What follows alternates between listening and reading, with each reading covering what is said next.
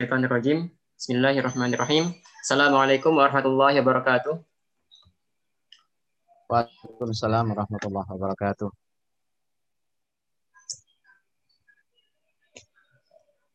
Alhamdulillah, assalatu wassalamu ala rasulillah wa ala alihi wa sahbihi wa man walah wa la hawla wa la quwwata illa billah amma ba'd. Pertama-tama dan yang paling utama kita patut panjatkan puji syukur kita kehadiran Allah Subhanahu wa taala karena atas berkat rahmatnya Allah sampai detik ini kita masih diberikan kenikmatan yang sangat luar biasa oleh Allah. Uh, utamanya nikmat iman dan Islam, kemudian nikmat ilmu kesehatan dan nikmat-nikmat lain yang tidak bisa kita hitung. Tak lupa salawat teriring salam kita haturkan kepada junjungan kita Nabi besar Nabi Muhammad Sallallahu Alaihi Wasallam beserta para keluarga dan para sahabat serta para pengikutnya yang setia hingga akhir zaman. Semoga kita tergolong umat Rasulullah yang senantiasa mengamalkan sunnah-sunnah beliau dan mendapatkan syafaat dari beliau kelak. Amin ya rabbal alamin. Eh, kemudian eh, saya ucapkan uh, khair kepada teman-teman uh, wabil khusus kepada Ustadz Khalili Hasib yang telah meluangkan waktunya untuk membersamai kita dalam daras risalah untuk kaum muslimin. Insya Allah daras pada malam hari ini akan kita lanjutkan di perenggan 53. Kalau dua pekan lalu kita sudah membahas tentang bagaimana uh, sedikit demi sedikit kita akan digiring ke jawaban akhir Prof. Alatas terkait dengan persoalan genting kaum muslimin sebagaimana yang pernah beliau tuliskan di perenggan pertama. Nah, insya Allah di perenggan ke-53 kita akan uh, menyelam lebih dalam akan jawaban dari persoalan yang Profalatas uh, maksud. Tanpa ber, perlu berlama-lama lagi, uh, saya persilakan kepada Ustadz Khalili untuk uh, menyampaikan darasnya. Apa Ustadz? Assalamualaikum warahmatullahi wabarakatuh. Waalaikumsalam.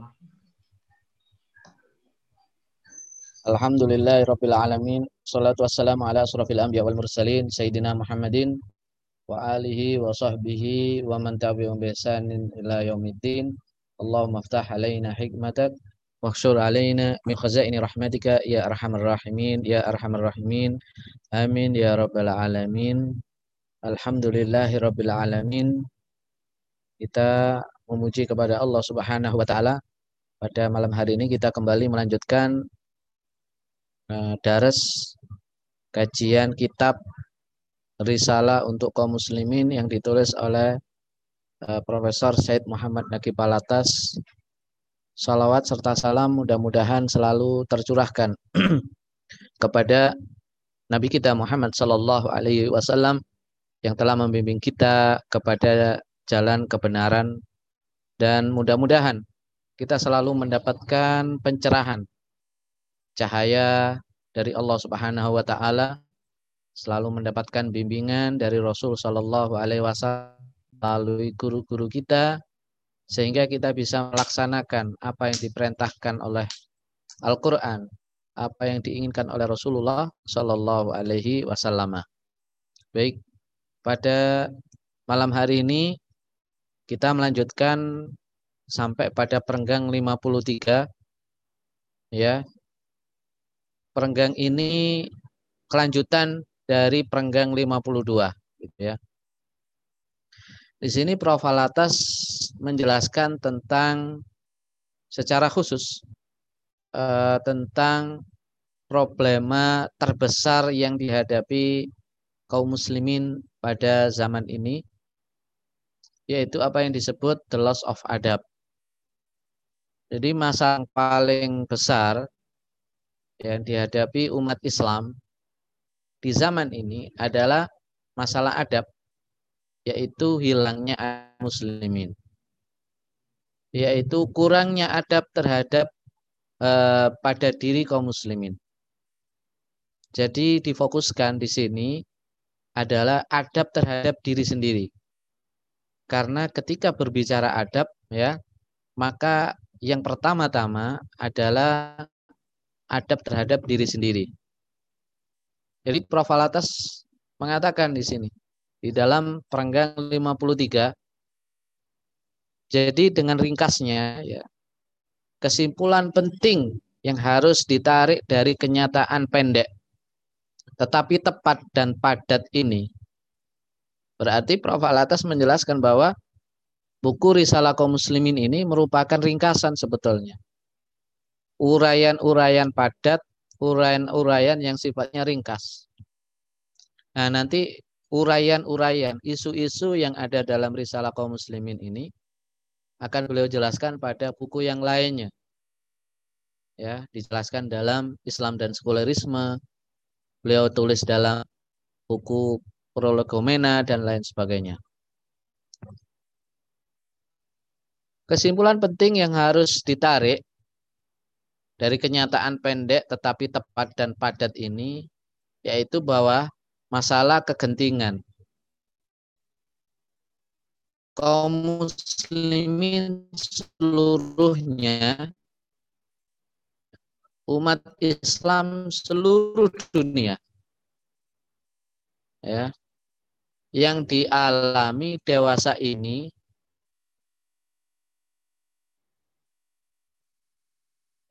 yang dialami dewasa ini berasal puncak pada sebab-sebab salah besar yang dihadapi oleh umat Islam di zaman modern ini itu berasal dari dua arah. Yang pertama adalah arah dari luar, yang kedua adalah arah dari mengenai sebab-sebab yang datang dari luar maka puncak-puncaknya telah diuraikan dalam perenggang 7 hingga 9. Jadi masalah yang berasal dari luar telah, telah beliau bahas dalam perenggang-perenggang sebelumnya. Khususnya pada perenggang atau chapter 7 sampai 9 dan seterusnya. Ya. Dan itu adalah masalah peradaban barat. Jadi masalah luar itu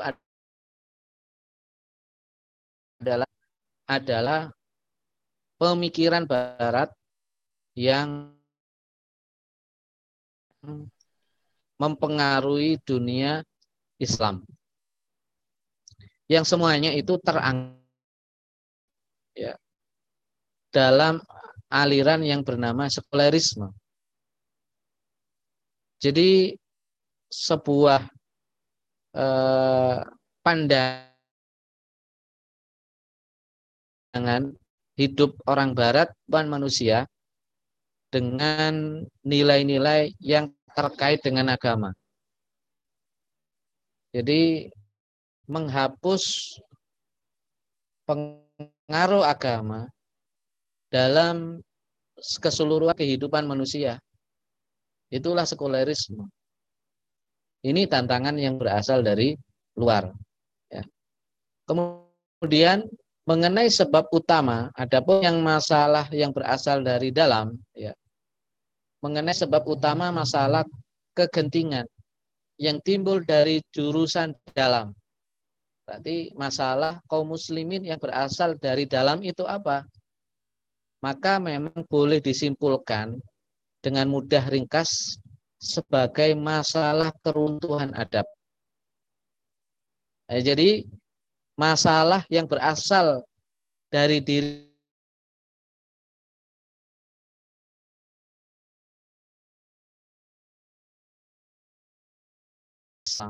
itu adalah masalah akan the loss of adab.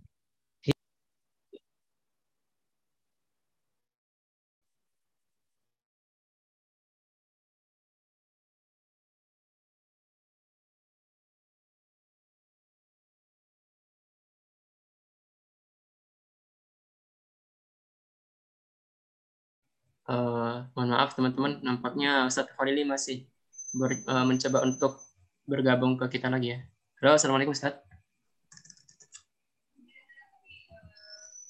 Halo, Assalamualaikum.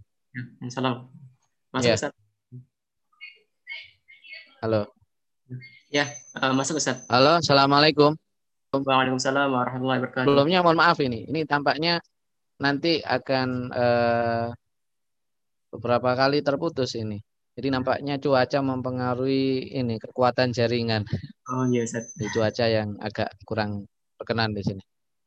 Jadi saya ulangi sebentar ya. Jadi masalah adab itu masalah yang dihadapi umat Islam. Ya. Dan ini masalah paling besar sebetulnya. Jadi ada masalah eh, peradaban barat, ada masalah yang berasal dari diri umat Islam. Maka di sini umat Islam harus kenal dirinya sendiri. Gitu. Jadi umat Islam harus kenal dengan masalahnya sendiri. Nah, umat Islam kenal dengan masalah sendiri, itu artinya kita perlu umat Islam melihat diri kita. Masing-masing individu harus melihat dirinya masing-masing. Ya, apakah ini kita ini jatuh pada keruntuhan adab, kehilangan adab, ya. Apakah kita termasuk rusak adab begitu? Berikut adalah apakah kita mengenal diri kita, ya. Maka ilmu untuk mengenal diri itu penting. Jadi umat Islam harus mengenal dirinya sendiri. Ya. Mengenal masalahnya sendiri juga itu penting. Masalah kita kan banyak sebetulnya. Ya. Semakin lama kita lihat masalah umat Islam itu semakin banyak. Ya. Semakin banyak. Nah, kemampuan untuk melihat ya, kemampuan untuk melihat masalah ya, kemampuan untuk melihat masalah besar itu satu anugerah dari Allah Subhanahu wa taala. Jadi terkadang orang itu umat Islam sudah ketemu masalahnya. Tetapi tidak sampai pada melihat perkara-perkara yang besar begitu. Ya, melihat perkara-perkara yang kecil. Kalau umat Islam itu melihat perkaranya itu yang kecil, maka masalah yang ada dalam diri itu tidak tidak akan terselesaikan dengan baik. Maka ilmu untuk melihat ini adalah ilmu hikmah. Kemampuan untuk melihat masalah yang ada dalam diri umat Islam itu hikmah. Ya. Dan ini menayangkan sebuah uh, adab. Ya.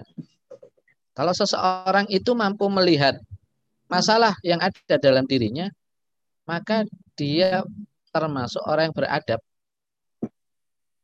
Ini merupakan ilmu. Ya, ada ilmu. Nah, ilmunya ada ilmu, ilmunya namanya ilmu hikmah, ilmu adab ini. Berarti ilmu tentang adab ini ilmu yang sangat penting bagi umat Islam sekarang. Satu ilmu yang wajib dipelajari oleh tiap-tiap individu muslim. Masing-masing orang harus memahami ilmu adab. Wajib bagi setiap orang memahami ilmu adab. Sebab apa? Karena kalau tidak mengerti adab, maka ilmunya akan keliru. Tindakannya keliru, perilakunya akan keliru begitu.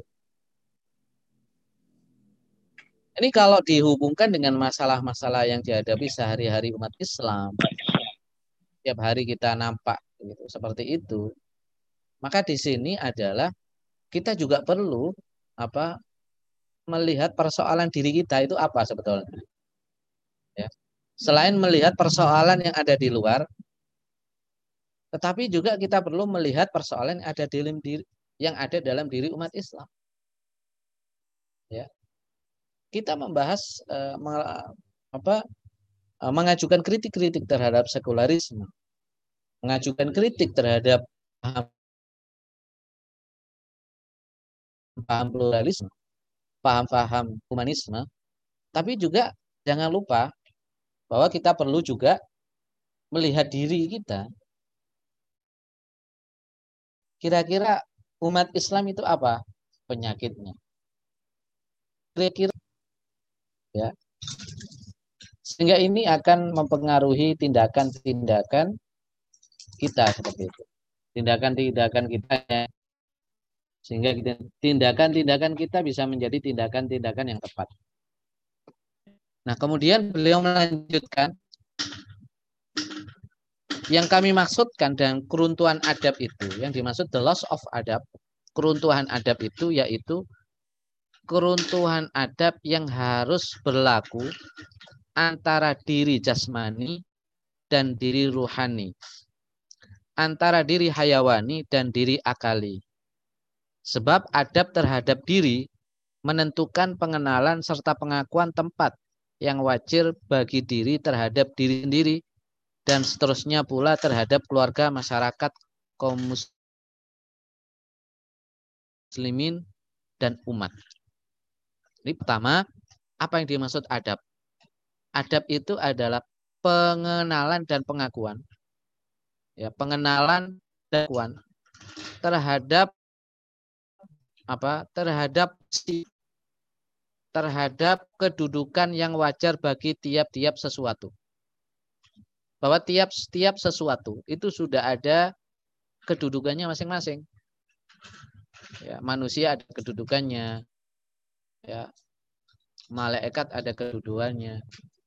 Bahkan semua yang ada di alam ini ada kedudukannya. Ya. Maka adab itu mengenali mengenali tiap-tiap sesuatu sesuai dengan kedudukannya. Ya. Tidak hanya mengenali tapi mengakui. Nah, ini. Ini dua kata kunci dari adab yaitu pengenalan dan pengakuan. Nah, di sini Prof. Alatas memulai ya, memulai e, mengajak kita untuk melihat persoalan umat Islam. Jadi Prof. Alatas mengajarkan kepada kita, ayo kita lihat persoalan yang ada dalam diri umat Islam. Dari aspek yang sangat mendasar, dari aspek yang sangat kecil, tapi itu adalah inti Ya, apa itu? Bahwa dalam diri manusia ada unsur jasmani, ada unsur rohani, ada unsur hayawani, ada unsur akli. Nah, di situ. Ini uh, Imam Ghazali juga menjelaskan hal ini juga. Jadi ada an-nafas al-hayawani, ada an-nafs al-akli. Ada jiwa hewani, ada jiwa kali. Kalau jiwa akal itu jiwa jiwa akli, yaitu jiwa berakal. Maksudnya jiwa yang mendorong kepada perbuatan-perbuatan baik. Kalau manusia itu berbuat baik, manusia itu beradab, berakhlak, mampu menempatkan sesuatu sesuai dengan posisi yang wajar, maka yang bekerja, yang mendorong ini adalah yaitu jiwa aklinya. Jadi dalam diri manusia ada jiwa aklinya, ada jiwa hewaninya.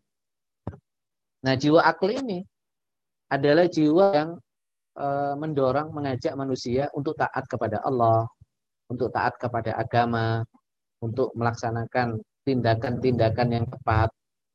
Nah adapun jiwa hewani itu jiwa yang mendorong kepada perbuatan-perbuatan yang sifatnya syahwani. Keinginan-keinginan nafsu. Nah, keinginan-keinginan nafsu ini tidak semuanya itu adalah buruk. Ya, misalnya kita nafsu untuk makan, keinginan untuk uh, apa? minum, keinginan untuk istirahat, keinginan untuk semua wajar bagi manusia. Tapi kalau keinginan-keinginan ini berlebihan, ya, maka menjadikan orang itu tidak beradab. Ya, menjadikan orang itu tidak beradab. Jadi jiwa hewani ini jiwa apa sebetulnya? Bentuk jiwa apa? Jiwa hewani ini jiwa satu bentuk jiwa yang mendorong manusia untuk makan, untuk minum, ya, untuk uh, marah, kemudian e, untuk melakukan hubungan seksual begitu, itu jiwa, jiwa hewani semua. Nah, manusia kalau dalam dirinya itu mati jiwa aklinya, maka dia seperti hewan. Maka dalam Al-Quran itu balhum abal. Bahkan bisa lebih rendah daripada binatang ternak. Jadi, nah, bagaimana adab itu? Adab terhadap diri. Adab terhadap diri itu adalah kita mengenali mana jiwa hewani, mana jiwa akli yang ada dalam diri kita. ini memerlukan apa? Ilmu. Ilmu. Nah, jiwa hewani ini eh, menyukai sesuatu yang apa? Eh, sesuatu yang menyenangkan jasmani kita. Seperti makan gitu ya. Makan itu kan eh, yang bisa menikmati kan jasad kita. Ya. Saat kita kita makan, maka mulut atau lidah kita merasa merasa enak. Kita rasakan masakan yang enak, makanan yang lezat, itu di mulut. Eh, kita merasa kemudian merasa tidak lapar, merasa kenyang. Ya, itu kan sebuah kenyamanan, sebuah kenikmatan. Ya. Kemudian setelah itu kita punya tenaga. Setelah makan, kita punya tenaga. Inilah jiwa hewani. Maka jiwa hewani ini, kata Imam Al-Ghazali, jangan dibiarkan berjalan sendiri. Jiwa hewani kalau dibiarkan berjalan sendiri, maka dia akan berlebihan. Makan se, sepuas-puasnya, minum sepuas-puasnya, ya, seenak-enaknya begitu, tanpa ada aturan. Yang penting makan, yang penting minum, yang penting tidur, yang penting Nah, begitu. Itu jiwa hewani. Jiwa hewani jangan dibiarkan e, sendirian. Dia harus dikawal. Bukan sekedar dikawal, tapi harus diatur. Siapa yang bisa mengatur jiwa hewani? Yang bisa mengatur jiwa hewani adalah jiwa akli. Jiwa akli. Jiwa akli ini adalah jiwa yang mendorong kepada kebaikan. Dari mana jiwa akli ini? jiwa akli ini terpupuk kata Imam Ghazali itu muncul apabila manusia itu terlatih untuk ibadah, manusia terlatih untuk mengurangi makan, mengurangi minum, mengurangi hal-hal yang sifatnya hewani begitu. Ini akan muncul di situ jiwa jiwa aklinya. Sehingga manusia itu makanya ini kan kalau diterjemahnya itu jiwa akli. Kan eh, hewan itu ya hewan itu kan bedanya manusia dengan hewan adalah manusia punya akal. Hewan tidak punya. Manusia disebut oleh para ahli filsafat para ulama disebut sebagai hayawanun natik ya, hewan yang berakal begitu hewan yang berakal Nah, kalau natik maka jadi hayawan kita. Ya kan? Hayawanun natik. Natiknya dihilangkan, maka menjadi hayawan, jadi hewan gitu. Jadi makhluk hidup. Makhluk hidup yang tanpa tanpa akal, makhluk hidup yang tanpa akal itulah hewan gitu. Nah, dalam diri manusia juga ada unsur jasmani, ada unsur rohani. Unsur jasmani adalah unsur-unsur fisik organ-organ fisik. Nah, unsur ruhani ini adalah unsur-unsur yang tidak terlihat. Ya. Itu perasaan sedih, perasaan senang, bahagia, perasaan marah. Ya. Dan lain sebagainya. Ini saling ber, apa, terkait, saling terkait begitu. Antara jiwa eh, apa jiwa hewani, jiwa akli dengan unsur rohani dan unsur jasmani. Nah, kata Imam Al-Ghazali, unsur hewan itu menguat apabila seseorang itu makan dengan cara yang berlebih-lebihan. Makanya berlebihan. Tidak terkontrol. Minum yang penting adalah minuman yang lezat, enak, memuaskan. Ini lama-lama menguat jiwa hewaninya. Nah, manusia yang beradab disebut oleh Prof. Alata disebut insan adabi. Insan adabi adalah insan yang di mana jiwa aklinya mampu mengontrol jiwa hewaninya. Jiwa hewaninya itu dikontrol oleh jiwa aklinya. Itulah orang orang baik. Ya, maka dia orang baik itu adalah orang yang mampu mengontrol jiwa hewaninya. Nah, manusia yang paling sempurna dalam pengontrolan jiwa hewani ini adalah Rasulullah Shallallahu Alaihi Wasallam. Nabi Muhammad ini manusia insanun kamil, ya insanun kamil. Jadi bukan sekedar insanun adabiyun, tapi beliau adalah insan kamil, manusia yang sempurna. Sempurna apa? Sempurna akalnya, sempurna jiwanya. Dengan kesempurnaan itu, akhirnya maka Rasulullah itu mampu mengontrol jiwa hewaninya. Ya. Sehingga jiwa hewani tidak bisa berkutik dalam diri Rasul Shallallahu Alaihi Wasallam. Apakah jiwa hewaninya tidak ada? Tetap ada di situ. Tapi dalam pengontrolan secara penuh 100% oleh jiwa akli. Jadi semakin besar pengontrolan jiwa uh, akli, ya, maka manusia itu semakin baik. Dan semakin jelek, manusia semakin jahat apabila uh, jiwa aklinya itu punya daya kuat dalam dirinya. Kalau jiwa hewani ini, nafas hayawaninya itu sangat kuat dalam diri manusia, maka manusia menjadi manusia yang jahat. Dan manusia jahat itu adalah manusia yang tidak kenal dengan adab. Manusia yang tidak mengenali dan tidak mengakui tempat yang wajar bagi tiap sesuatu. Bagi tiap sesuatu. Ini merupakan adab terhadap diri ya. Adab terhadap diri. Yaitu saya ulangi, adab terhadap diri itu adalah manusia mengenali dirinya bahwasanya dalam dirinya ada jiwa akliannya dan ada jiwa hewaninya. Dan itu dirasa. Maksudnya dirasa itu begini.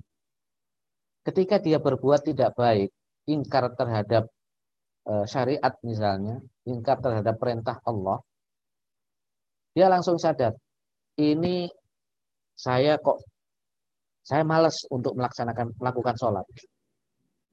Ini berarti jiwa hewani saya itu cukup kuat unsur hewaninya cukup kuat dalam diri saya. Maka saya harus mengontrol jiwa hewani ini. Dengan cara apa? Imam Al-Ghazali menjelaskan dengan riyadhatun nafs, olah jiwa. Dengan olah jiwa. Kurangi makan yang enak. Kurangi minum-minuman yang enak. Ya, apakah tidak boleh? Ya boleh, sekedarnya. Kalau tiap hari ingin makan yang enak, hari ini makan di restoran A, maka besok makan di restoran A mana? berikutnya makan di mana, berikutnya itu pokoknya hidupnya hanya memuaskan perut. Ya. Ini akan mendorong manusia untuk menjadi manusia-manusia yang jahat. Ada juga keterangan dari Imam Al-Ghazali bahwa apabila yang masuk ke dalam perut adalah perkara-perkara yang diharamkan oleh Allah. Nah, perkara yang haram masuk ke dalam tubuh manusia itu akan memperkuat apa, unsur jiwa hewani dalam diri. Kalau tiap hari makan makanan yang haram, maka berarti jiwa hewaninya sangat kuat di situ dan itu berbahaya. Dan kejahatan manusia yang jahat itu macam-macam bentuk kejahatan. Ya. Ada jahat terhadap manusia yang lain, ada jahat eh, terhadap bidang yang lain, ya yang paling berat yang paling eh, ini patut dikhawatirkan adalah jahat terhadap agamanya jahat terhadap ilmu. Orang jahat terhadap ilmu orang jahat terhadap agamanya. Kalau jahat terhadap agamanya maka dia merusak agamanya begitu. Kalau ter jahat terhadap ilmu maka dia akan merusak ilmu. Melakukan kerusakan-kerusakan terhadap ilmu. Melakukan kerusakan-kerusakan yang e, kepada agamanya sendiri. Menghancurkan agamanya sendiri. Makanya Imam Al-Ghazali dalam kitab Hidayatul Hidayah ini ada salah satu adab penuntut ilmu. Ya. Adab penuntut ilmu adalah tawadu. Tawadu itu berarti tahu diri. Lawan tawadu itu adalah sombong. Berarti sombong itu tidak tahu diri, tidak kenal dirinya. Maka orang sombong itu tidak kenal terhadap dirinya sendiri. Bagaimana dia mengenali orang lain, wong dirinya sendiri nggak kenal. Ya, gitu. Nah, kemudian di sini dijelaskan, inilah yang menjadi sebab, ya, sebab orang itu tidak beradab. Orang itu tidak beradab terhadap dirinya. Maka di sini Imam eh, eh, Profalatas itu seperti Imam Ghazali begitu. Jadi apa yang dilakukan umat Islam kalau terjadi krisis? perbaiki diri sendiri, perbaiki individu-individu. Jadi fokus pada individu di sini, bukan fokus pada publik atau kemasyarakatan. Karena baik dan buruknya masyarakat itu kembali kepada individu. Itu ciri khas daripada maka tujuan pendidikan Islam itu adalah menanamkan adab terhadap individu. Ya, menanamkan adab terhadap diri bukan menanamkan adab terhadap uh, ini secara langsung kepada masyarakat, publik, kepada diri dulu. Ya. Makanya ibda binafsik. Nah, mulailah dari diri kamu. Ya. Ku anfusakum wa ahlikum nara. Jagalah diri kamu, diri dulu. Wa ahlikum dan keluarga kamu. Ya. Ku anfusakum wa ahlikum nara. Jagalah diri kamu kemudian keluargamu dari api neraka. Jadi ini, jadi perbaikan, perbaiki diri individu. Maka sekarang adalah saatnya umat Islam itu memperbaiki diri. Perbaiki diri itu adalah, nah, kalau bicara adab terhadap diri sebetulnya, apa yang tadi dijelaskan oleh Imam Ghazali tentang jiwa hewani, jiwa akli, dan lain sebagainya, itu sebetulnya ranahnya adalah pada ilmu tasawuf. Maka perbaikan untuk apa? Perbaikan terhadap diri kaum muslimin itu adalah maka itu adalah kembali kepada tasawuf sebetulnya. Kembali kepada ilmu ilmu tasawuf. Karena dalam ilmu tasawuf itu ada riyadhah, ada tazkiyah, ya. E, di mana itu semua memperbaiki diri. Ciri khas daripada sufi itu adalah memperbaiki diri. Perbaikan terhadap diri sendiri. Ini penting untuk untuk kita umat Islam begitu ya. E, maka sekarang individu-individu muslim harus bersama-sama untuk memperbaiki diri dengan pendidikan yang benar melalui pendidikan yang benar fokus pada diri Kemudian eh, berikutnya di bawah ini di scroll ya di bawah. Nah, ini kita masih di sini ya. Kemudian ad, sebab adab terhadap diri menentukan pengenalan serta pengakuan tempat yang wajar bagi diri terhadap diri sendiri. Dan seterusnya pula terhadap keluarga, masyarakat, kaum, dan umat. Nah, di sini beliau menjelaskan karena dengan adab terhadap diri, adab terhadap diri itu tadi itu mengenal jiwa akliyahnya, mengenal jiwa uh, apa uh, aklinya, jiwa hewaninya itu kita kenal. Jiwa aklinya kita kenal, harus kita kenal. Jadi pengenalan terhadap diri. Ini akan berpengaruh ya terhadap pengakuan dan pengenalan terhadap keluarga umat dan lain sebagainya. Maksudnya eh, pengenalan dan pengakuan itu adab. Di sini adab terhadap keluarga, adab terhadap masyarakat, adab terhadap kaumnya, adab terhadap umat. Ya, diawali dari itu, dari diri sendiri, kemudian diteruskan adab kepada keluarga, baru kemudian adab kepada masyarakat. Adab kepada masyarakat. Jadi kita mulai dari diri kita sendiri dulu. Itu ciri khas pandangan Islam itu fokus pada diri. Gitu. Nah, adab itu menentukan eh, pengenalan serta pengakuan tempat yang wajar bagi diri bernisbah pada yang bersifat jasmani dan hewani dan yang bersifat ruhani dan akal. Jadi adab itu kepada adab terhadap jasmani juga. Adab terhadap uh, ruh kita. Ya, begitu. Ini dinisbatkan kepada jasmani, kepada hewani, kepada ruhani, kepada akli. Nah, ini harus dikenali semua. Sehingga dengan ini orang itu tahu diri. Dan pada kemampuan serta kelengkapan ruhani dan akli yang ada pada diri. Kelengkapan maksudnya adalah eh, kemampuan kita untuk mengenali ruh kita kemampuan kita untuk mengenali jiwa akliyah kita. Adab juga menentukan pengenalan serta pengakuan hakikat bahwa ilmu dan kejadian semesta semua itu berperingkat-peringkat menurut rencana, susunan, martabat, dan derajat masing-masing. Jadi begini ya, dalam the positive aspect of tasawuf, Imam Al-Ghazali menjelaskan, uh, Prof. Al-Atas menjelaskan, bahwa realitas yang ada di alam ini, baik itu realitas yang bisa kita lihat, realitas fisik, ataupun realitas yang tidak bisa kita lihat, realitas non fisik, itu dalam penciptaan Allah Subhanahu wa taala itu sudah tertata. Sudah ada posisinya. Sudah tertata dengan baik. Begitu pula manusia sudah tertata ruhaninya, kemudian unsur-unsur jasmaninya itu sudah tertata. Semuanya yang realitas selain Allah itu semua diatur oleh Allah. Dan semuanya itu ada peringkat-peringkatnya. Ada martabat-martabatnya.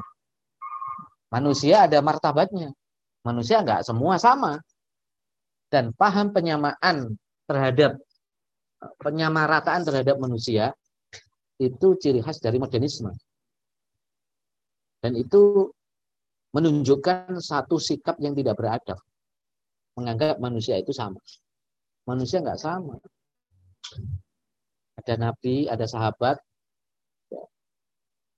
ya, ada ulama, ada alim, ya, ada orang awam, ada seorang wali, ada seorang soleh, ada orang soleh, ada orang awam, ada orang jahat. Tidak ada manusia sama itu. Semua itu ada martabatnya.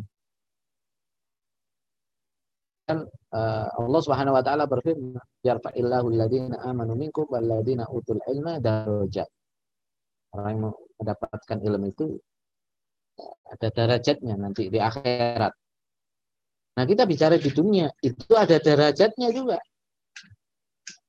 Kita orang beradab adalah mengetahui posisi atau derajat masing-masing realitas itu. Kalau kita beradab kepada manusia, maka kita harus tahu derajat tiap-tiap orang itu. Tentu, kalau kita tahu derajat tiap-tiap orang, maka kita akan berlaku dengan tepat terhadap orang itu. Ya. Kita akan bersikap bertindak dengan betul martabat dan derajatnya. Ulama itu adalah pewaris Nabi, pewaris ilmu. Ilmunya Nabi itu diwaris ulama. Al ulama warasatul anbiya. Innama yasallaha min ibadihi al yarfa'illahu alladhina amanu minkum walladhina utul ilma darajat. Semua ini adalah menunjukkan bahwasanya dan mengamalkan ilmu itu memiliki derajat yang tinggi. Artinya apa? Dalam Islam itu ulama kedudukannya tinggi. Maka kita harus tahu martabat ulama ini kita tempatkan ulama sesuai martabat dan dan derajatnya.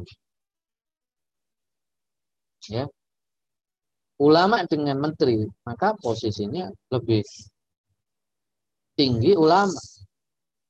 Ulama dengan presiden, maka presi, eh, maka ulama harus didahulukan daripada presiden. Kedudukannya lebih tinggi daripada presiden.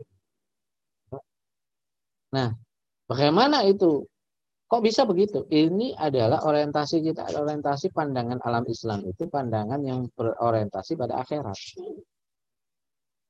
Bukan pada dunia. Kalau dalam perspektif dunia, mungkin presiden itu terlihat lebih mulia, lebih tinggi daripada ulama. Enggak, kalau kita terus mengamalkan pandangan Islam kita, sikap kita itu harus berdasarkan pandangan hidup Islam. Sikap kita. Ya. Dan kita jiwa kita harus tahu dan mengenali. Oh, ulama itu dudukannya begini. Oh, presiden itu. Begini. Guru kita. Bagaimana kedudukannya?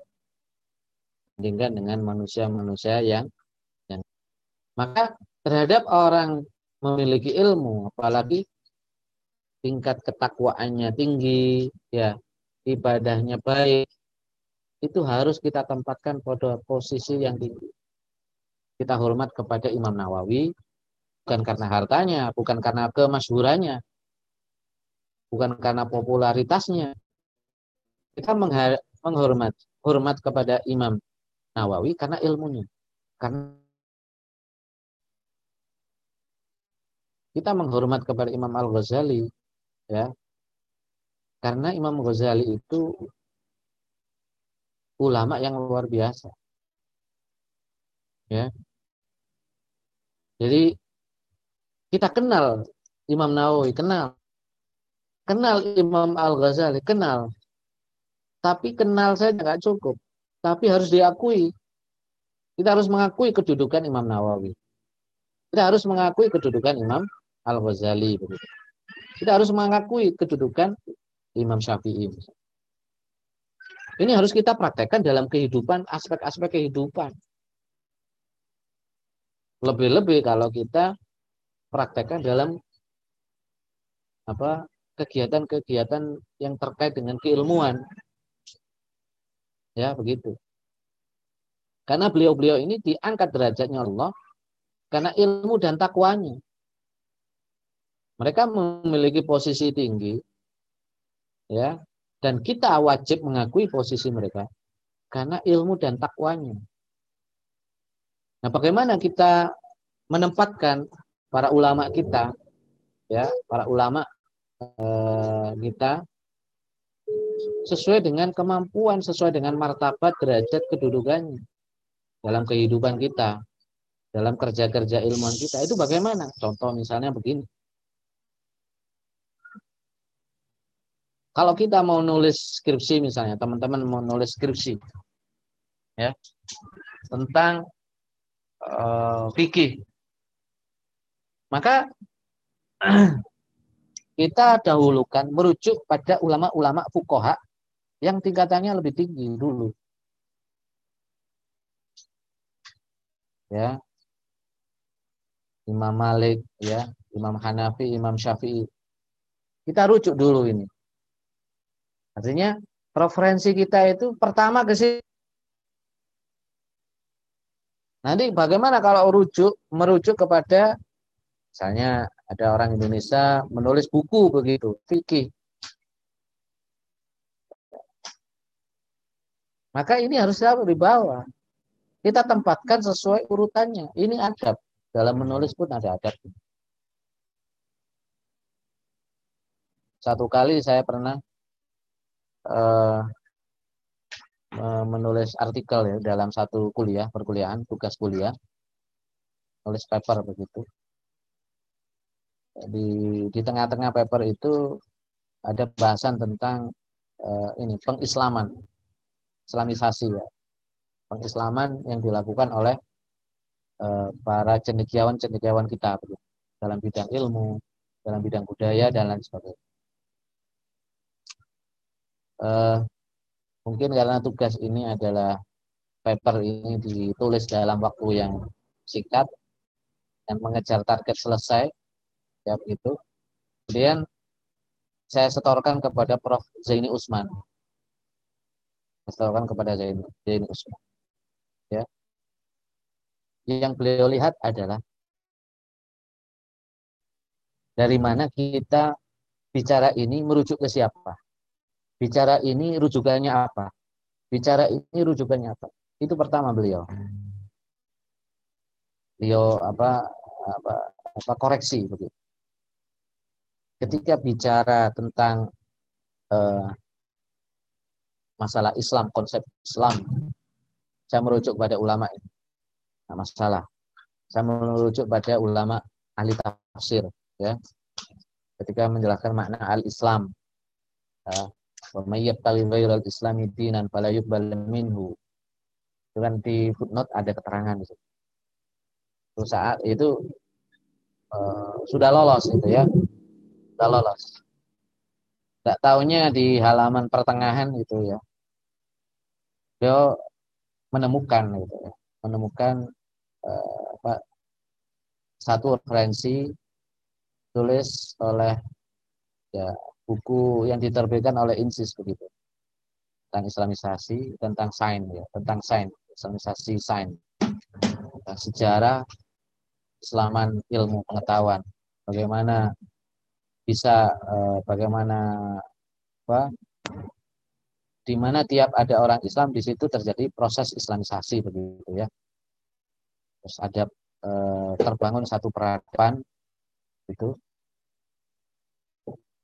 eh, apa salahnya kan begitu merujuk ternyata beliau ini dalam hal ini sangat jeli dan beliau marah. Marah itu bukan karena menyalahkan buku referensi, bukan. Marah bukan karena uh, salah, tapi salah, sa apa? Tapi marah karena salah menempatkan posisi begitu. Menempatkan posisi. Uh marah beliau, marah sampai di luar perkuliahan itu ketemu Prof Wan, ya sampai dilaporkan kepada Prof. Wan. Dibawa makalah itu. Ini, ini tulisannya ini salah ini. Merujuk ini salah. Kenapa nggak Prof Alatas dulu? Nah, itu beliau. Kata beliau, you kalau e, bicara Islamisasi, rujuk pada Prof Alatas dulu. Jangan muridnya. Jangan saya dulu. Kan Saya di antaranya kan ada di footnote itu ada beberapa preferensi, ada empat lah. Ada empat buku yang saya rujuk. Antaranya ada artikel ya, bukan buku.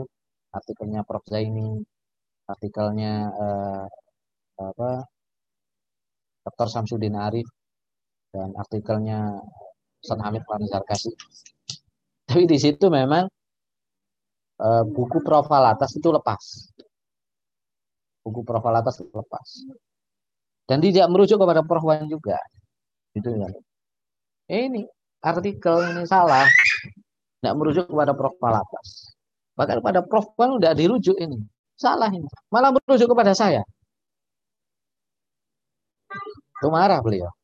Depan ya, Wan ya. Memarahi saya, maksud. memarahi artikel saya.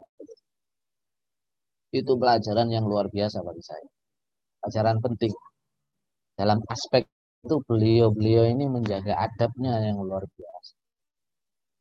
Karena memang kalau bicara Islamisasi, siapa orang yang pertama kali bicara Islamisasi dalam satu forum? Profalatas. Dan itu dijelaskan juga dalam Islam dan Skolaris. Ya. Kalau saya ikut profalatas, tapi kamu merujuk saya itu salah. Saya harus ditaruh di bawah, kata beliau. Artikel saya harus jauh di bawah. Profil atas dulu. Bahkan merujuk pada profil atas sudah cukup. Karena kami artikel itu juga dari profil atas juga. Nah ini saya terapkan juga ini kalau apa ngoreksi skripsi anak mahasiswa itu saya apa saya screening dulu daftar pustakanya. Nah, saya screening. Misalnya bahas konsep uh, adab ilmu, uh, adab murid terhadap guru menurut Imam Nawawi misalnya dalam kitab ini. Nawawi kan ada kitab yang bahas itu. Saya baca referen, uh, daftar pustaka. Setelah saya baca daftar pustaka, saya lihat footnote-nya. Bicara ini merujuk ini. Bicara ini merujuk bicara tafsir muncul. Satu saat berbicara tafsir ini, tafsir uh, ayat apa itu? Yarfa'illahu alladhina amanu minkum walladhina utul ilma darajat. Merujuk kepada tafsir Al-Misbah. Saya salahkan, saya coret. Saya coret. Saya kembalikan uh, untuk merujuk kepada ulama tafsir. Katanya ulama tafsir itu siapa? Ada Jaluluddin Asyuyuti, ada Ibnu Kasir, ada Ibnu Abbas. Kenapa ini tidak dirujuk pertama kali? Rujuk di situ.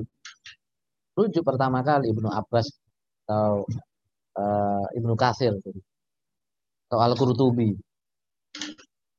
Ya. Rujuk di situ. Kemudian nulis tentang etika guru. Nah, etika guru. Mas etika guru. Kemudian merujuk kepada seseorang penulis ya saya lupa namanya apa Suwarno atau siapa SPD pembahasan etika guru ini dalam tradisi Islam itu namanya adabul mu'alim adabul mu'alim dan ini Imam Nawawi bahas kenapa nggak dirujuk padahal ini bahas Imam Nawawi kenapa nggak dirujuk kenapa nggak rujuk Imam Al-Ghazali dalam kitab Ihya-nya? Kenapa nggak rujuk? Paling tidak Hashim Ash'ari dalam Adabul Alim wal Muta'alim. Uh, ada Imam Zarnuji Ta'lim Muta'alim. Malah ini Suwarno SPD. Siapa Suwarno SPD? Saya tanya, nggak tahu. Itu saya lihat temukan di Google Book gitu ya. Jadi browsing ya browsing etika guru ketemu ini ya sudah langsung dirujuk ini tidak beradab. Ini tidak beradab, kenal gitu. Apalagi nggak kenal. Lalu ulama-ulama kita ke mana begitu? Dikemanain ulama-ulama kita? Ada satu eh, eh, apa? Nah ini jud, masih judul yang sama. Jadi eh, murid kepada guru. Menurut Imam Nawawi itu penulis Indonesia semua. Kemudian merujuk pada undang-undang ini. Itu daftar pustaka, daftar. Ini saya saya salahkan. Saya meniru tadi itu ya pelajaran penting dari itu. Rasanya ini bagian daripada adab kita terhadap menempatkan orang, adab kita kepada ulama, adab kita kepada ini ya kepada orang, menempatkan orang sesuai dengan makomnya begitu. Jadi kalau menulis jangan asal begitu, merujuk kepada siapa gitu. Jadi kalau menulis eh, skripsi tentang teknik mesin ya pakar-pakar teknik mesin. Ya begitu. Kalau menulis fikih ya jangan merujuk pada profesor teknik mesin. Kecuali profesor teknik mesin ini ahli dalam fikih, pakar dalam fikih.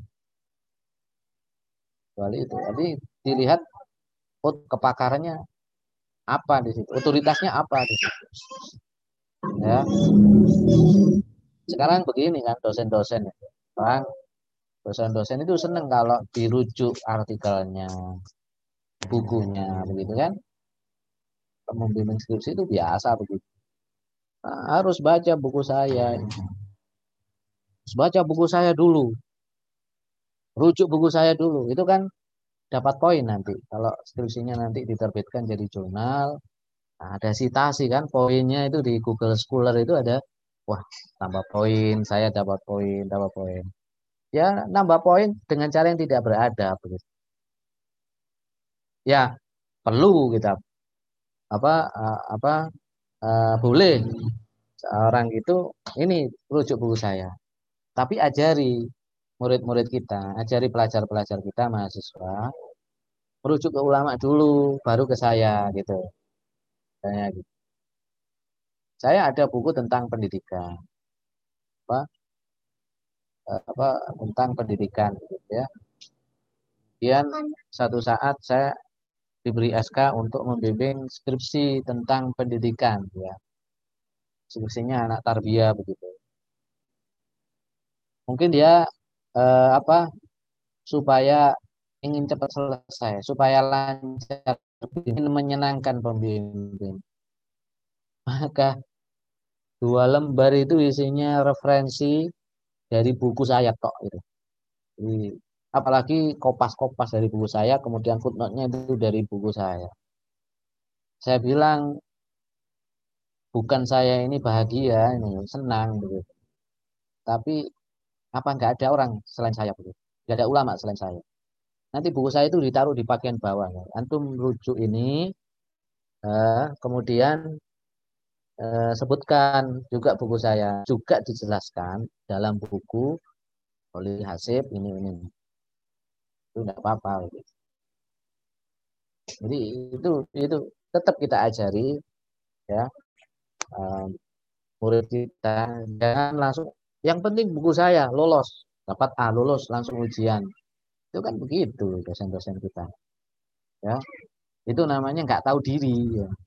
Pantas nggak dirujuk gitu. Kalau nggak pantas dirujuk jangan. Jangan memerintahkan untuk dirujuk. Kalau memang pantas dirujuk ya. Atau contohnya begini atau contohnya begini. Saya pernah menerapkan itu. Jadi eh, bahasa Arab kurang turosnya kurang. Oke enggak apa-apa wis. Turosnya kurang gitu.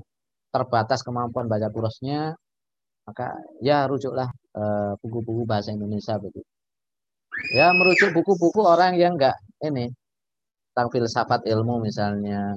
Ya filsafat ilmu ini ini. Tahulah filsafat ilmu kalau kita pergi ke toko-toko buku. Ya perspektif perspektif apa? Barat begitu. Perspektif sekuler gitu. Maka begini uh, daripada ini loh ada buku yang bagus ya.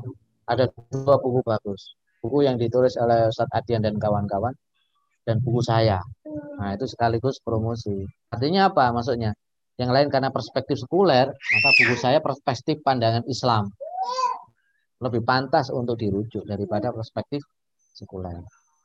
Nah, baru kalau dalam posisi yang demikian. Nah ini masalah adab, ini masalah penting. Kadang-kadang kita juga nggak jeli. Hmm. Nah, Prolatas mengatakan bahwasanya keruntuhan adab membayangkan keruntuhan keadilan. Jadi kalau tidak beradab berarti tidak adil. Nah, adil itu begitu tadi. Adil itu adalah kita rujuk para ulama-ulama dulu, baru ulama-ulama kekinian, ulama-ulama di sini. Kalau perlu ulama dulu itu sudah cukup tanpa penulis-penulis uh, zaman sekarang atau yang baru apalagi yang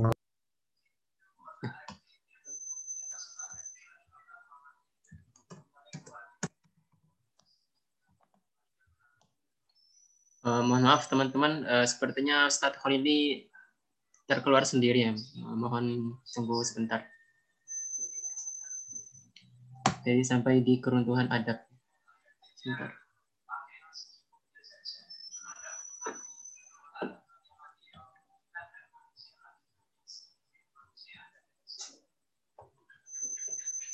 Halo, assalamualaikum. Halo, waalaikumsalam Ustaz. Iya, terputus lagi ya. Iya, Ustaz. Gangguan jaringan ya. Iya. Sendiri. Jadi saya lanjutkan ya. Keruntuhan adab membayangkan keruntuhan keadilan. Jadi ini ada kaitannya. Orang yang tidak beradab itu berarti tidak berlaku adil. Dan keadilan demikian membayangkan seharusnya kekeliruan mengenai ilmu. Jadi maksudnya orang tidak beradab, orang tidak bisa bertindak secara adil, itu sebabnya apa? Ilmu. Ilmunya yang keliru. Ilmu yang keliru ini berbahaya, ilmu yang salah.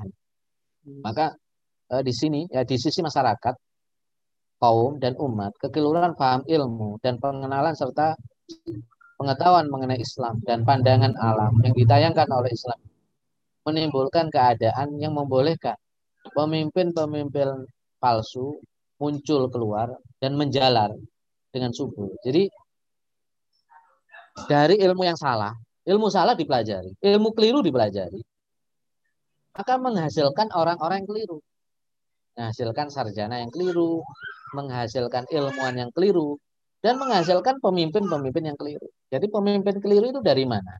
dari ilmu yang salah, dari pendidikan yang salah. Maka ini disebutkan oleh Prof. Alatas pemimpin yang tidak layak sebetulnya. Pemimpin yang tidak layak untuk memimpin ilmu. Memimpin masyarakat tidak layak. Memimpin apalagi memimpin ilmu. Itu tidak layak. Karena apa? Ilmunya yang salah. Jadi mempelajari ilmu-ilmu yang salah sampai pada tingkat tinggi, kemudian diangkat menjadi pemimpin. Diangkat menjadi rektor, diangkat menjadi kepala sekolah, diangkat dosen, kepala ini dan sebagainya, maka kebijakan-kebijakannya itu tidak sesuai dengan pandangan, eh, sesuai dengan ilmu pengetahuan yang ber... Ini persoalannya. Kita itu sekarang, apa, termasuk di Indonesia, persoalan besarnya itu adalah belum ada lembaga yang betul-betul lembaga Islam yang menghasilkan sarjana-sarjana yang apa yang bisa apa istilahnya bisa digaransi. Jadi pemimpin-pemimpin yang baik dalam bidang fikih, pemimpin-pemimpin yang baik dalam bidang tafsir, pemimpin-pemimpin yang baik dalam bidang yang lain dalam tingkat perguruan tinggi. Belum banyak gitu tidak banyak. Ini yang harus kekosongan ini yang harus digarap sebetulnya oleh umat Islam ya. Sedangkan yang ada yang berjalan itu banyak yang sebuah lembaga tapi tidak menjalankan filsafat ilmu perspektif Islam konsep ilmu berasal dari Islam maka menghasilkan sarjana-sarjana yang keliru sarjana-sarjana yang tidak punya kapasitas sebetulnya tidak pantas untuk diangkat menjadi pemimpin. Ya. Gitu. Dan kemudian ya di scroll bawah ini disebut pemimpin palsu. Ya, beliau sebutkan sebagai pemimpin palsu. Nah, dari itu maka patut jelas bahwa bahwa rumusan sebab-sebab yang menimbulkan masalah kegentingan yang mengaruhi umat Islam itu ada tiga. Jadi ada tiga masalah besar yang dihadapi umat, Islam. Pertama, keliru dalam masalah ilmu. Konsep ilmu harus betul-betul dipahami. Tingkatan ilmu ini sangat kurang sekali di sini. Sangat kurang. Banyak salah paham. Sekarang itu banyak orang salah paham terhadap ilmu. Yang kedua adalah keruntuhan adab jatuhnya adab, hilangnya adab di kalangan kaum muslim. Jatuhnya adab karena ilmu yang salah. Karena ilmu yang keliru. Karena itu sehingga menghasilkan pemimpin-pemimpin yang tidak layak memikul tanggung jawab. Yang sah. Yang tidak memadai taraf kepemimpinan yang dikendaki oleh Islam. Pemimpin itu pertama harus bisa memimpin dirinya. Sebelum memimpin orang lain, dia harus memimpin dirinya sendiri. Bagaimana seseorang itu memimpin dirinya sendiri? Seorang yang memimpin dirinya sendiri itu adalah dengan cara dia memimpin jiwa akli dan jiwa hewani tadi. Jadi jiwa hewaninya bagaimana dia memimpin jiwa hewani? Bagaimana dia memimpin jiwa aklinya? Itulah memimpin diri memimpin diri saja tidak mampu, maka dia tidak mampu untuk apa? Untuk memimpin orang lain. Semua perkara yang merupakan puncak masalah kita umat Islam yang tertera di atas adalah saling berkaitan. Dua faktor di atas itu adalah saling berkaitan. Maka umat Islam kalau mau maju peradabannya, maka fokus di sini memperbaiki dulu perbaikan dulu terhadap tiga faktor ini. Baru umat Islam bisa bisa apa? Bisa bangkit. Ini sambil ada pertanyaan tidak apa-apa ini. Sambil ada pertanyaan jadi bisa menunggu sesi tanya jawab. Ada pertanyaan monggo silakan. Kalau ada di chat misalnya, ini ada pertanyaan ini ya.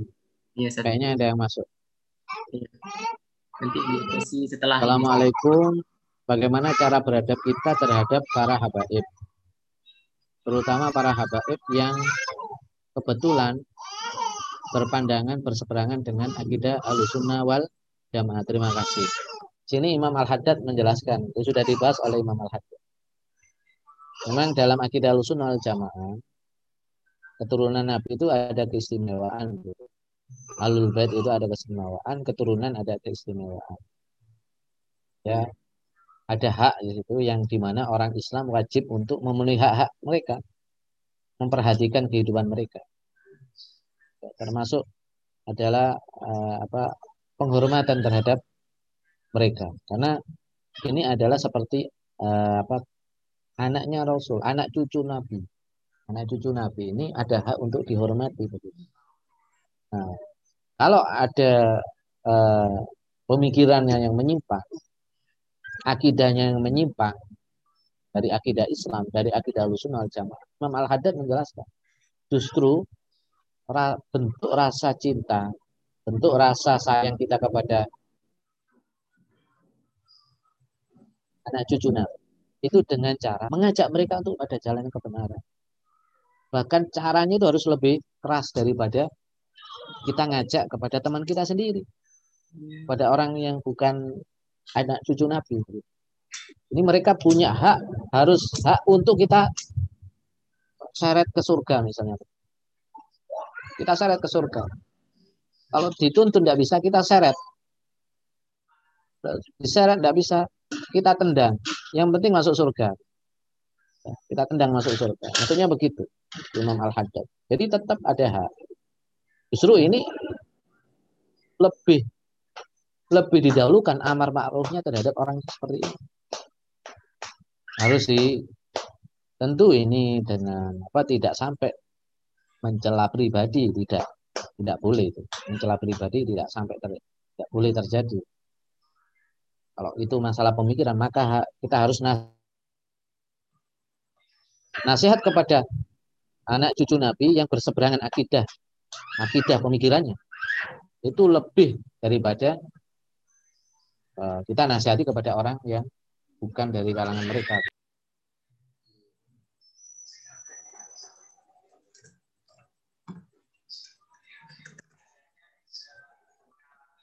Ya.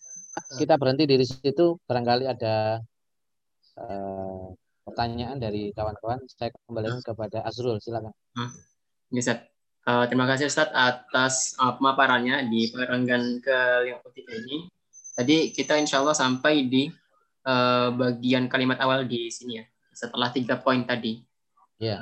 Insya Allah uh, kita akan lanjutkan di pertemuan selanjutnya. Kita sekarang masuk ke sesi tanya jawab. Bagi teman-teman yang barangkali ingin uh, bertanya bisa menggunakan dua, salah satu dari dua opsi. Opsi pertama menggunakan fitur raise hand untuk kemudian saya izinkan menyampaikan pertanyaan secara langsung kepada Ustadz atau bila tidak memungkinkan bisa teman-teman sampaikan pertanyaannya lewat uh, chat. Formatnya seperti biasa, format nama, asal, dan pertanyaan. Ya. Monggo bagi teman-teman yang ingin bertanya,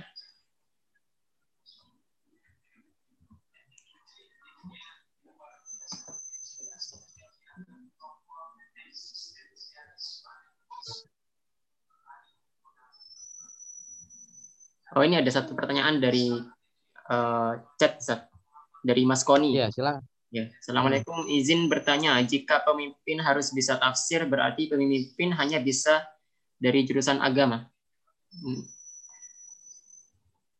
Ini jika pemimpin harus bisa tafsir, berarti pemimpin hanya bisa. Maksudnya gimana itu? Ya. Pemimpin apa ya?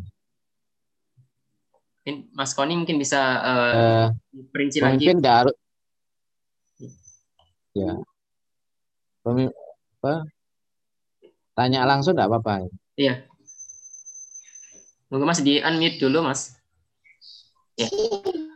Ya, Assalamualaikum Ustaz, izin bertanya. Tadi kan hmm. tadi di ceramahnya Waalaikumsalam warahmatullahi Pemimpin itu harus paham ilmu agama dan lain sebagainya. Sekarang kan ilmu itu kan terkotak-kotakan, Ustaz. Jadi apakah pemimpin itu harus backgroundnya dari jurusan agama gitu maksudnya pemimpin dalam arti pemimpin pemerintah atau apa gitu jadi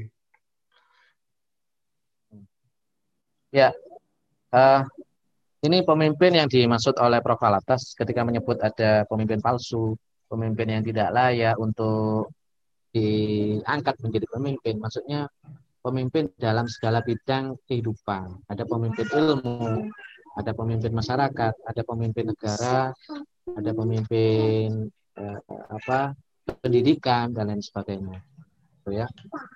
Uh, adapun ilmu tafsir, ilmu tafsir itu adalah ilmu yang sifatnya fardu kifayah fardu kifayah ini adalah tidak setiap individu wajib detail ya begitu itu ulum tafsir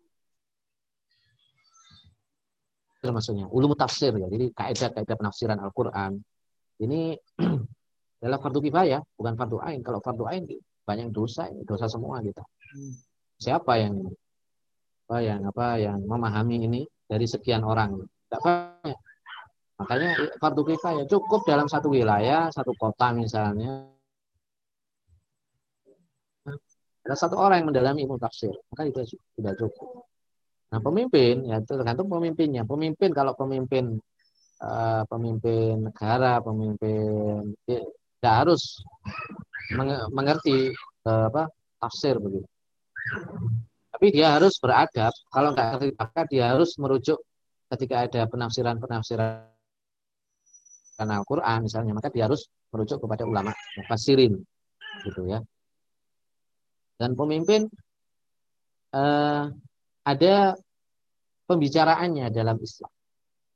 Pemimpin itu ada konsepsinya, konsepsinya dalam Islam. Pemimpin yang ideal itu adalah pemimpin yang memahami syariatnya, memahami syariat. Ya, kalau jurusan agama ini kan istilah kita sekarang ya. Kalau zaman dulu nggak ada jurusan agama, jurusan ini. Karena orang dulu itu semua itu pendidikannya itu pendidikan agama itu semua kalau sudah masuk pada ahli-ahli e, pendidikan tinggi, mereka sudah selesai dalam bidang ilmu syariat. Ibnu Sina itu tidak dikenal sebagai ulama ahli tafsir, ulama ahli fikih. Tapi Indonesia sudah selesai belajar syariatnya di usia yang remaja begitu. Itu rata-rata begitu. Para khalifah-khalifah dulu juga demikian. Mereka tidak dikenal sebagai ahli ini, ahli itu. Tapi mereka pada saat remaja sudah selesai tafsirnya, sudah selesai fikihnya, sudah selesai ini. Selesai apa? ilmu-ilmu dasarnya. Yang wajib itu ilmu-ilmu dasarnya. Bukan pada pendetailan daripada itu. Saya kira itu. Jadi tidak tidak harus uh, dari jurusan agama. Jadi nanti Presiden Indonesia dari jurusan tarbiyah, dari jurusan usuluddin, sedangkan mereka-mereka ini tidak tidak ada yang ini ya juga. Jadi eh, agama itu untuk semua jurusan sebetulnya. Mau apa backgroundnya apa pun, agama harus semuanya sebetulnya. Jadi jadi begitu. Memang idealnya begitu ya, ya idealnya begitu. Tapi yang di yang dituntut adalah orang beradab, pemimpin yang beradab. Percuma ahli agama dari jurusan maaf, percuma dari jurusan agama tapi tidak beradab, tidak bisa memimpin. Banyak terjadi seperti itu kan. Sekarang itu bicara uh, politik Islam gitu ya. Tapi fakultas politik Islam yang bagus itu di mana? Menghasilkan ahli-ahli politik Islam. Belum ada sekarang. Padahal partai Islamnya sudah banyak. Tapi prodi uh, politik Islam itu tidak ada menghasilkan ini ahli-ahli politik Islam. Belum ada. Itulah problem kita sebetulnya. Mestinya itu melahirkan politik yang beradab, yang hebat, berakhlak. Gitu. Jadi ya memang pendidikan harus banyak kita evaluasi, baik itu pendidikan agamanya ataupun pendidikan umumnya ya begitu. Jadi kalau Mas Koni pengen jadi pemimpin ya, ya itu yang uh, dari background agama, dari, dari prodi agama, tidak masalah tapi ilmu agamanya sudah selesai. Nah, itu. Yang penting ilmu agamanya sudah selesai. Kalau belum selesai, ya harus mulazamah dulu. Hmm. Ngaji dulu misalnya. Oh saya eh, harus jurusan agama, tapi mulazama itu sudah jurusan agama. Bahkan kadang-kadang lebih apa lebih intens ya, lebih hasilnya lebih lebih bagus, lebih top. Begitu ya. Saya kira. Oke, uh, Ustadz ini ada satu pertanyaan yang masuk di lewat ini ya, uh, private chat Ustadz. Lihat saya. Dari Mas Faisal Labib. Assalamualaikum, izin bertanya. Tadi membahas jiwa akal, akli dan hewani. Apakah konsep ini sama juga dengan apa yang dimaksud oleh dualisme uh, body and mind dari Ibnu Sina atau Plato? Jazakallah. Oh iya. Uh, Ibnu Sina memang merujuk pada Plato ya dalam hal ini. Tapi kalau kita lihat Ibnu Sina itu tetap eh, ada pandangan Islamnya masih kental. Artinya tidak dualis. Dualis itu saling bertabrakan, saling berseberangan. Kalau kita kaji konsep jiwanya eh, apa Ibnu Sina misalnya, itu tidak ada. Bahkan ini ketika Prof. Alatas merujuk konsep jiwa itu banyak merujuk juga kepada Al Ghazali dan Ibnu Sina. Jadi ya, sebetulnya itu salah kalau dikatakan mem, uh, saya pernah baca buku juga buku filsafat Indonesia itu dualisme, penganut dualisme dalam masalah jiwa. Kritik Imam Al Ghazali terhadap uh, uh, uh, jiwanya uh, para falsafah termasuk Ibnu Sina itu bukan dalam konteks dualisme ini. Dualisme. Beliau menjelaskan ruhani dan jasmani itu ada ada unsur yang saling berkaitan. Bahkan justru di sini, di sinilah apa Ibnu Sina itu luar biasa mengaitkan ruhani dengan jasmani, jasmani dengan ruhani Betul karena beliau kan ah, dokter begitu ya, ahli kedokteran dan juga ahli falsafah begitu.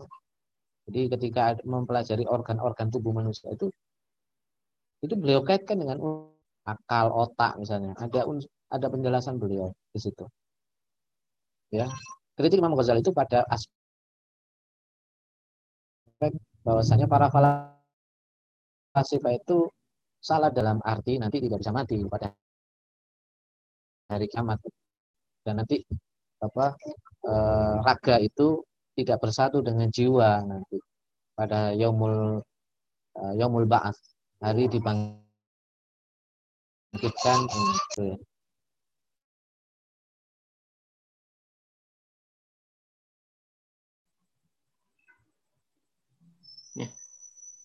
Saya kira cukup ya. E, kalau ada pertanyaan bisa diteruskan dalam chat. Oh iya. Uh, Barangkali begitu kita cukupkan ya. Silakan ditutup ya. Azrul. Iya, Seth. Alhamdulillah kita sudah sampai di penghujung daras kita pada malam hari ini. Ada banyak eh, pelajaran-pelajaran uh, yang bisa kita ambil sebetulnya ya, terutama berkaitan dengan masalah kegantengan kaum muslimin tadi Prof. Falata sudah menyinggung tiga poin itu tadi. Uh, pertama kekeliruan ilmu yang kemudian menghasilkan loss of adab dan implikasi lebih jauhnya melahirkan pemimpin-pemimpin rusak seperti itu. Tadi juga sempat disinggung bagaimana contoh pengaplikasian adab dalam tataran aktivitas keilmuan termasuk bagaimana kita menulis makalah atau menulis artikel itu uh, ada adabnya gitu. Nah, seperti itu. Ya, insya Allah uh, pertemuan selanjutnya masih kita akan membahas perenggan 53 ya Ustaz. Ya masih berlanjut ya. Uh, jadi uh, tetap pantengin terus uh, bagi teman-teman untuk info darah selanjutnya, insya Allah. Uh, terakhir saya ucapkan terima kasih sebanyak sebanyak banyaknya dan mohon maaf atas segala salah kata dan khilaf ucap. Ya. Uh, kita akhiri sama-sama dengan melafazkan alhamdulillah. Alhamdulillah. Ya. Kemudian ditutup disempurnakan dengan doa kafaratul majelis. Subhanallah. Ihdina suratul mustaqim akhirul kalam. Assalamualaikum warahmatullahi wabarakatuh. Waalaikumsalam warahmatullahi wabarakatuh.